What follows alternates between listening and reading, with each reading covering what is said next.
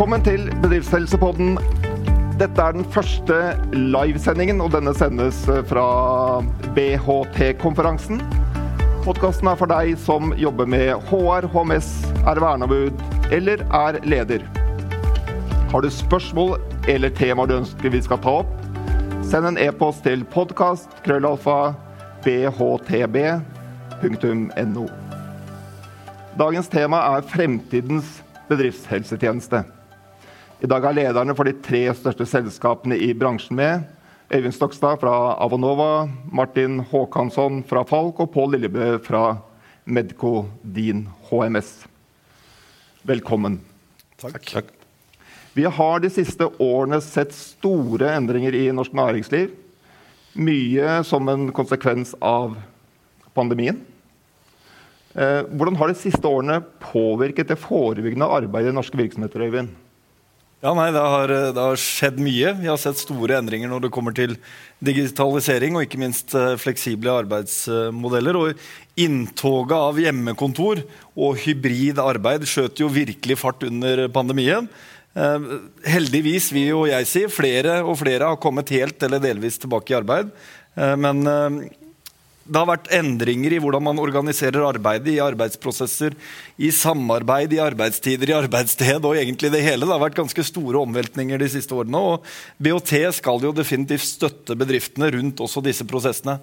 Um, og så skal vi forebygge for de som også sitter hjemme. da. Det er ikke like lett for bedriftshelsetjenesten å komme hjem til folk. Så da må vi finne litt andre metoder for å klare å inspirere også bedriftene til å ta vare på folka sine. Ikke bare på kontoret eller arbeidsstedet, men også hjemme.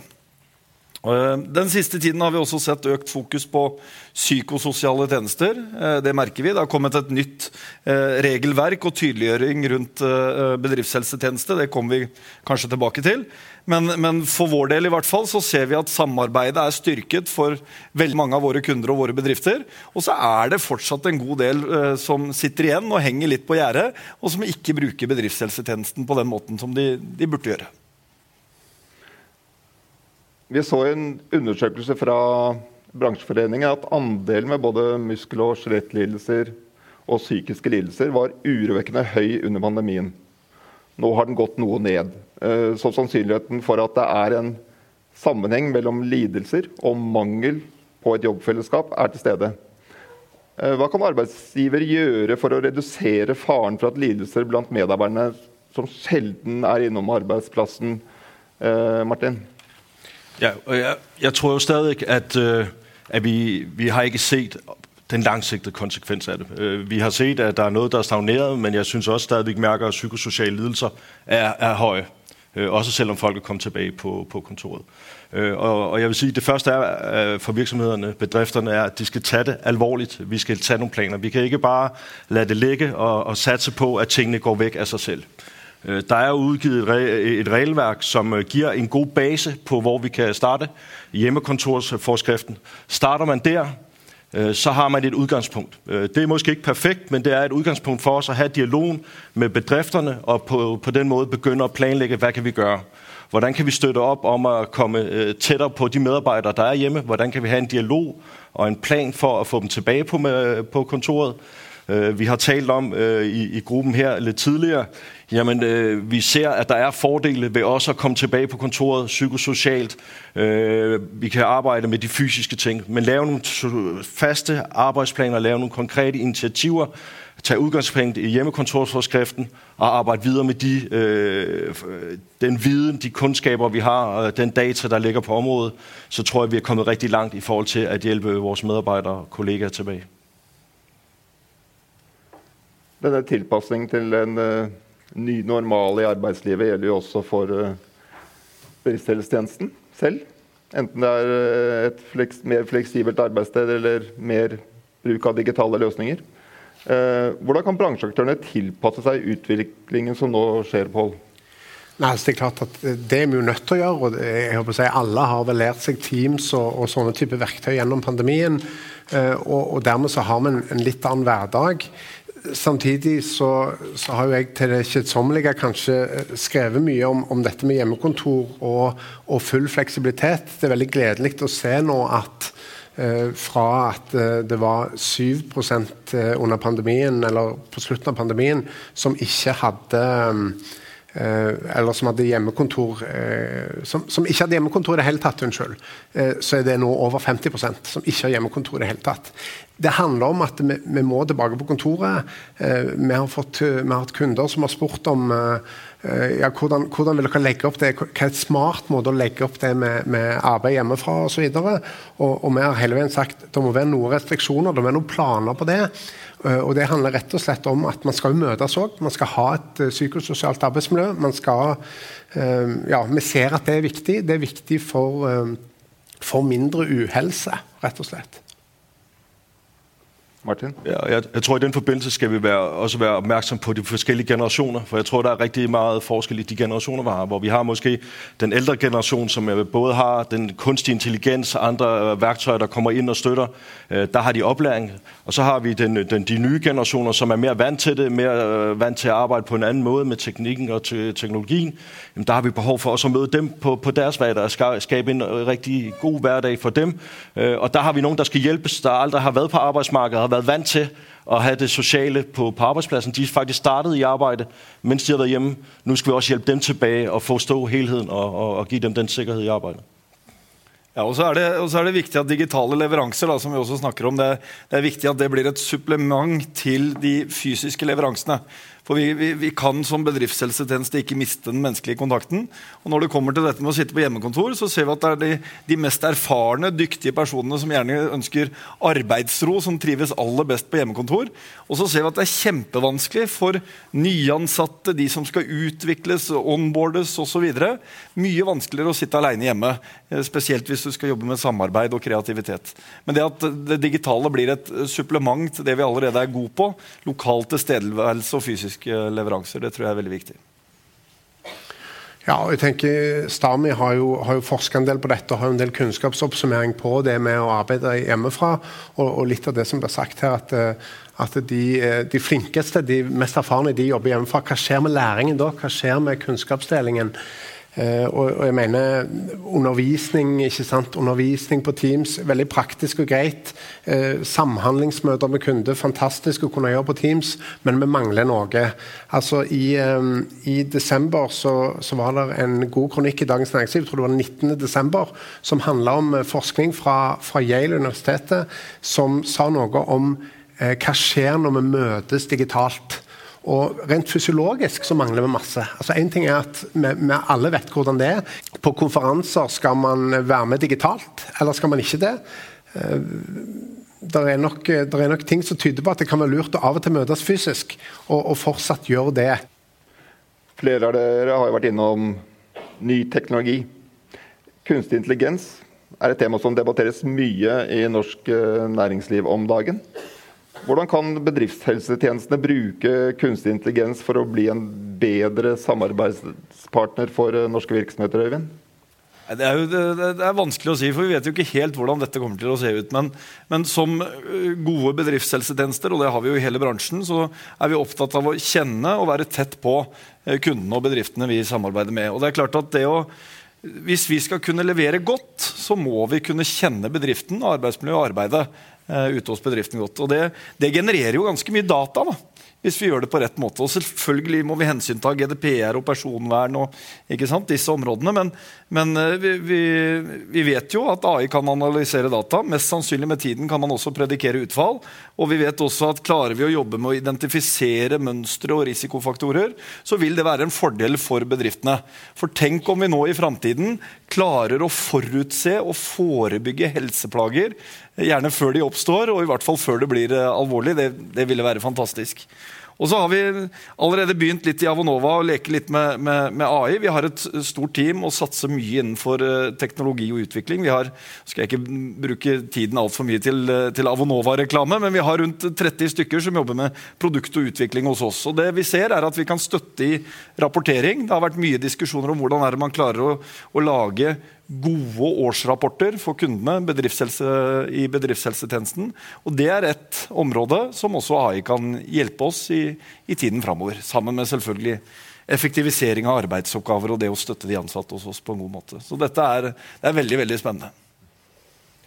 Ja, øh, enig. Og jeg tror, at, der hvor, hvor vi som øh, BHT øh, kan bidrage, det er, at vi skal være med til at oversette sproget øh, mellem det tekniske, mellem bedrifterne, at være med til at være dem, der forstår begge dele, være med til at koble det sammen, være med til at lave risikovurdering i den proces, vi går ind i, og så være med til at lave de handlingsplaner, der støtter op, om vi kommer den rigtige vej. Så vi, vi skal være dem, der er eksperter, men også forstår at dele, bedrift, forstå bedrifterne.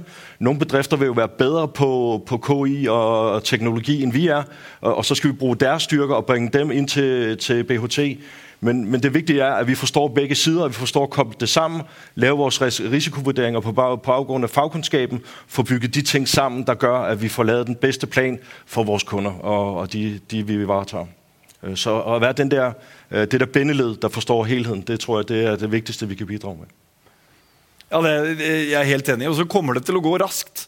Det kommer til å gå mye raskere enn utviklingen har gått de siste 10-20 årene. Så det er jo liksom, Hvordan skal vi håndtere det, både internt hos oss, men også som, som nevnt ut mot kundene? Og hvordan kan vi være støtte, en støttepartner for, for bedriftene i, i, Norge i deres digitaliseringsreise? Det er ja, fantastisk eh, spennende. da, Mange muligheter. Og når det gjelder kunstig intelligens, så tenker man jo kanskje ofte også på den digitale legen. Eh, I den siste befolkningsundersøkelsen til bransjeforeningen svarte kun 1% av respondentene at de alltid ville ha digital konsultasjon med lege. Mens 15% sa at de ville ha det de fleste gangene. Dvs. Si at over 80% ønsker primært å møte en fysisk person.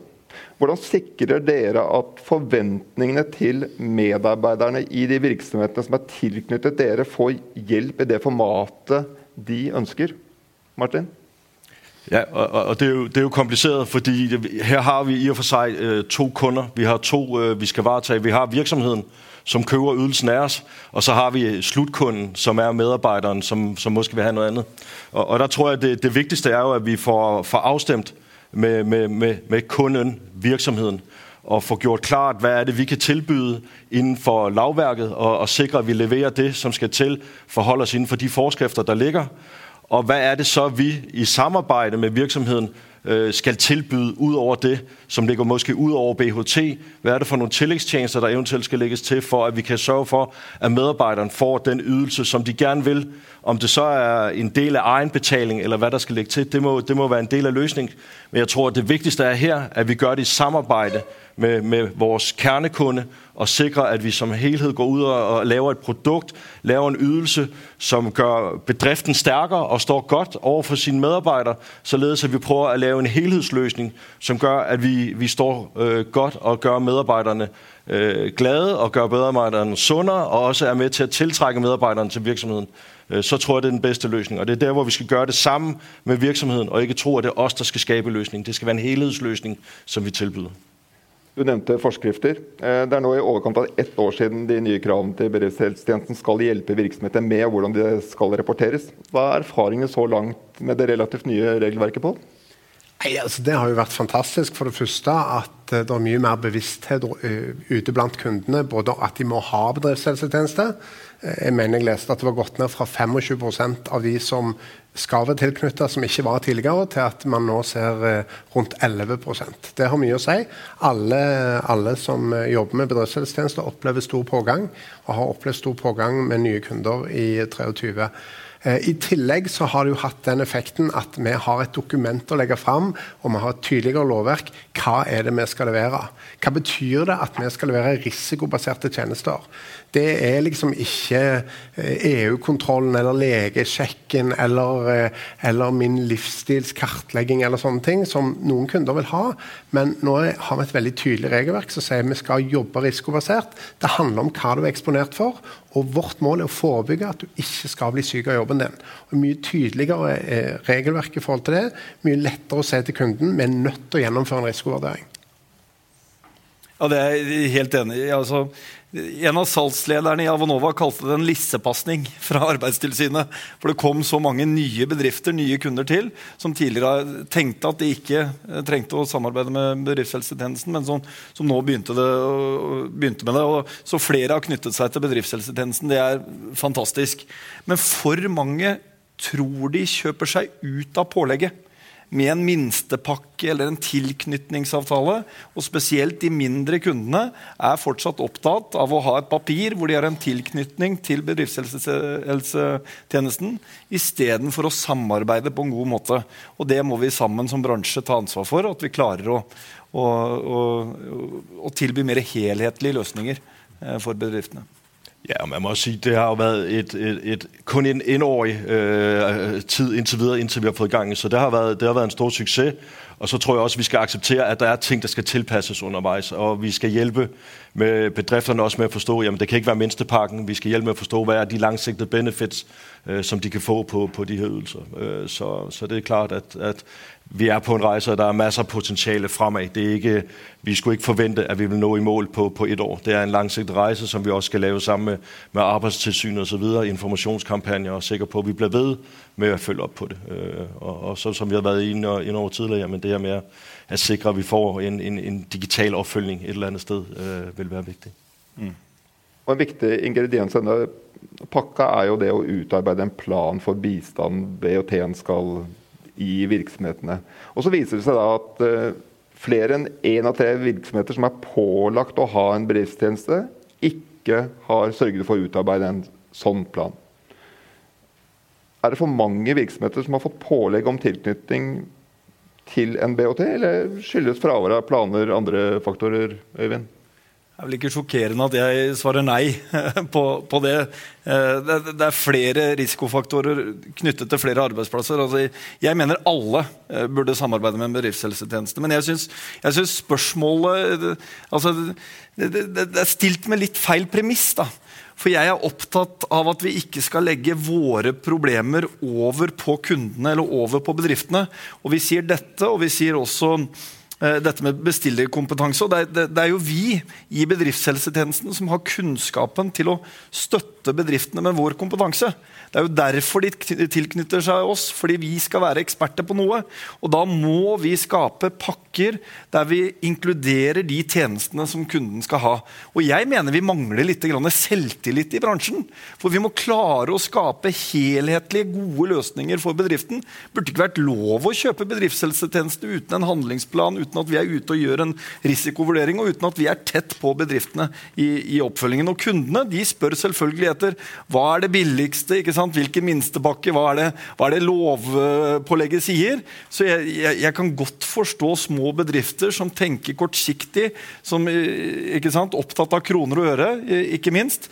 Men vi som bransje må klare å løfte eh, budskapet mye høyere enn det. Vi, vi altså verdien det faktisk gir da, å samarbeide med en bedriftshelsetjeneste og få støtte og hjelp til sitt arbeidsmiljø.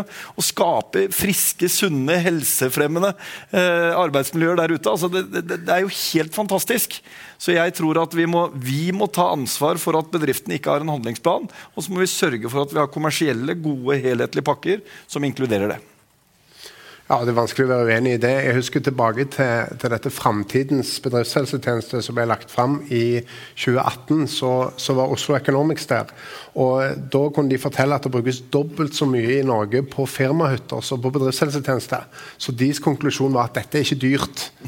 Så jeg tenker at det, Vi begynner der. og akkurat Når det gjelder det med handlingsplan, så, så da er det jo noen som feiler. For vi er jo pålagt som bedriftshelsetjeneste å lage handlingsplan for alle kunder. Ferdig med det. Så det, det er ikke et valg vi har å si at det trenger man ikke. Det, det er med. Og så, og så er jo Arbeidstilsynet opptatt av at det faktisk skal være et innhold i den planen. At ikke vi sender de menyen og sier etter avtale eller ved behov, men at vi faktisk diskuterer hva er det vi skal gjøre for dere i år, hva skal vi hjelpe dere med neste år, hva skal vi hjelpe dere med året der etterpå, sånn at det blir på en måte en, en forutsigbarhet i det, og at, eh, at det er en plan på ting. Ja, og jeg tror, øh, at man skal ikke legge lægge ansvaret over kun på bedrifterne. Jeg tror også, at vi sammen med Arbejdstilsynet skal tage, tage en del av ansvaret, netop som du er inne på, og jeg vil sige, jamen, øh, hvis vi ikke er synlige, hvis vi ikke viser den verdi, det giver, Øh, hvis øh, virksomheden, bedrifterne kun tænker på det som en, en kost, øh, en, øh, en ekstra øh, økonomi, økonomisk kost for dem, jamen så er det os, der har fejlet indledningsvis. Vi skal netop være tydelige i, at det her det er en værdi, sikker på, at de kommer i dialog med os, og når vi er i dialog med dem, for vi får lavet handlingsplanerne, så bliver det tydeligere for dem, hvilken værdi det har. Så det er i hvert fald os, der har det sammen med virksomheden bedrifterne, selvfølgelig det første skridt, men jeg synes, at vi skal tage et større ansvar, være mere modige på at gå ud og sige, kom her, vi kan vise jer, hvad vi kan levere. Øh, så, så der har vi i hvert fall litt å arbeide med. Ja, nei, altså, det, det holder helt med. Uh, og uh, jeg tror det er viktig at vi klarer å som bransje gå vekk fra disse rene tilknytningsavtalene og begynne å tenke mer helhetlig. Og så er det jo fantastisk nå da, med det nye regelverket at Arbeidstilsynet også kommer ut og har tilsyn med oss. Så hvis vi ikke lykkes med dette, så kommer vi til å få påpakt. Det kommer til å komme nye regler. Så det er jo også en fordel nå i tiden fremover. Bra. Vi nærmer oss slutten. Men hvis vi bruker noen få minutter til å se fem år frem i tid på hvilke områder må BHT-ene styrke sin kompetanse sammenlignet med det vi har i dag? Og trenger bransjen kompetanse som den ikke har i det hele tatt i dag? For å sikre det forebyggende arbeidet fremover? Martin? Først og fremst vil jeg gjerne holde, holde, fast i vores kjernekompetanser. De kompetanser vi er kjent for i dag. Jeg tror stadig at øh, de vil være de viktigste øh, fremadrettet. Øh, så er det klart, at når vi taler kunstig intelligens og de muligheder, der er for at måske tage nogle af de manuelle ting og tage noget af analysekapaciteten øh, over til det, så, vil det flytte nogle ressourcer. Men jeg tror stadig, at vores kernekompetencer inden for BHT, det vil være det, vi skal holde fast i. Og så er det de her ting, der kobler alle tingene sammen. Det er det, jeg tror, der er nyt for os, for os alle sammen. Det er, hvordan kan vi koble øh, de nye teknologiske muligheder sammen med de kernekompetencer, vi har i dag. Og det er inden for de områder, vi skal prøve at udvikle os for, og prøve at guide virksomheder i, hvordan får de koblet de ting sammen. Så, så det er i hvert fald der, hvor jeg ser. Men for mig øh, vil øh, kernekompetencerne inden for BHT stadig være det, vi skal holde fast i, og prøve at blive endnu stærkere i, og så koble de andre ting på. Øh, så, så det er der, hvor jeg vil øh, prioritere udviklingen fremadrettet. Ja, Nei, også det, Digitaliseringen kommer jo, det har vi jo allerede prata litt om. så det, det, er klart at Vi kommer til å se flere personer innenfor bedriftshelse også som kan mye om tech og mye om IT. Og så må vi forstå de nye teknologiske arbeidsplassene. Da. Det er jo mange eksempler på det, men en bilmekaniker eksempelvis, som før skrudde, nå oppdaterer de software. Eh, satt på spissen, naturligvis. Men vi som, vi som bedriftshelsetjeneste skal jo være sammen med eh, bedriftene i denne utviklingen. Så det at vi også har kompetanse på de områdene, er helt avgjørende de neste ordene. Takk til eh, Øyvind Stokstad, Martin Håkansson og Pål Lillebø. Du har hørt på Bedriftshelsepodden. Dette var det vi hadde for i dag. Har du spørsmål du ønsker svar på, eller temaer du ønsker å ta opp, send en e-post til podkast.krøllalfa.bhtb.no. Takk for i dag.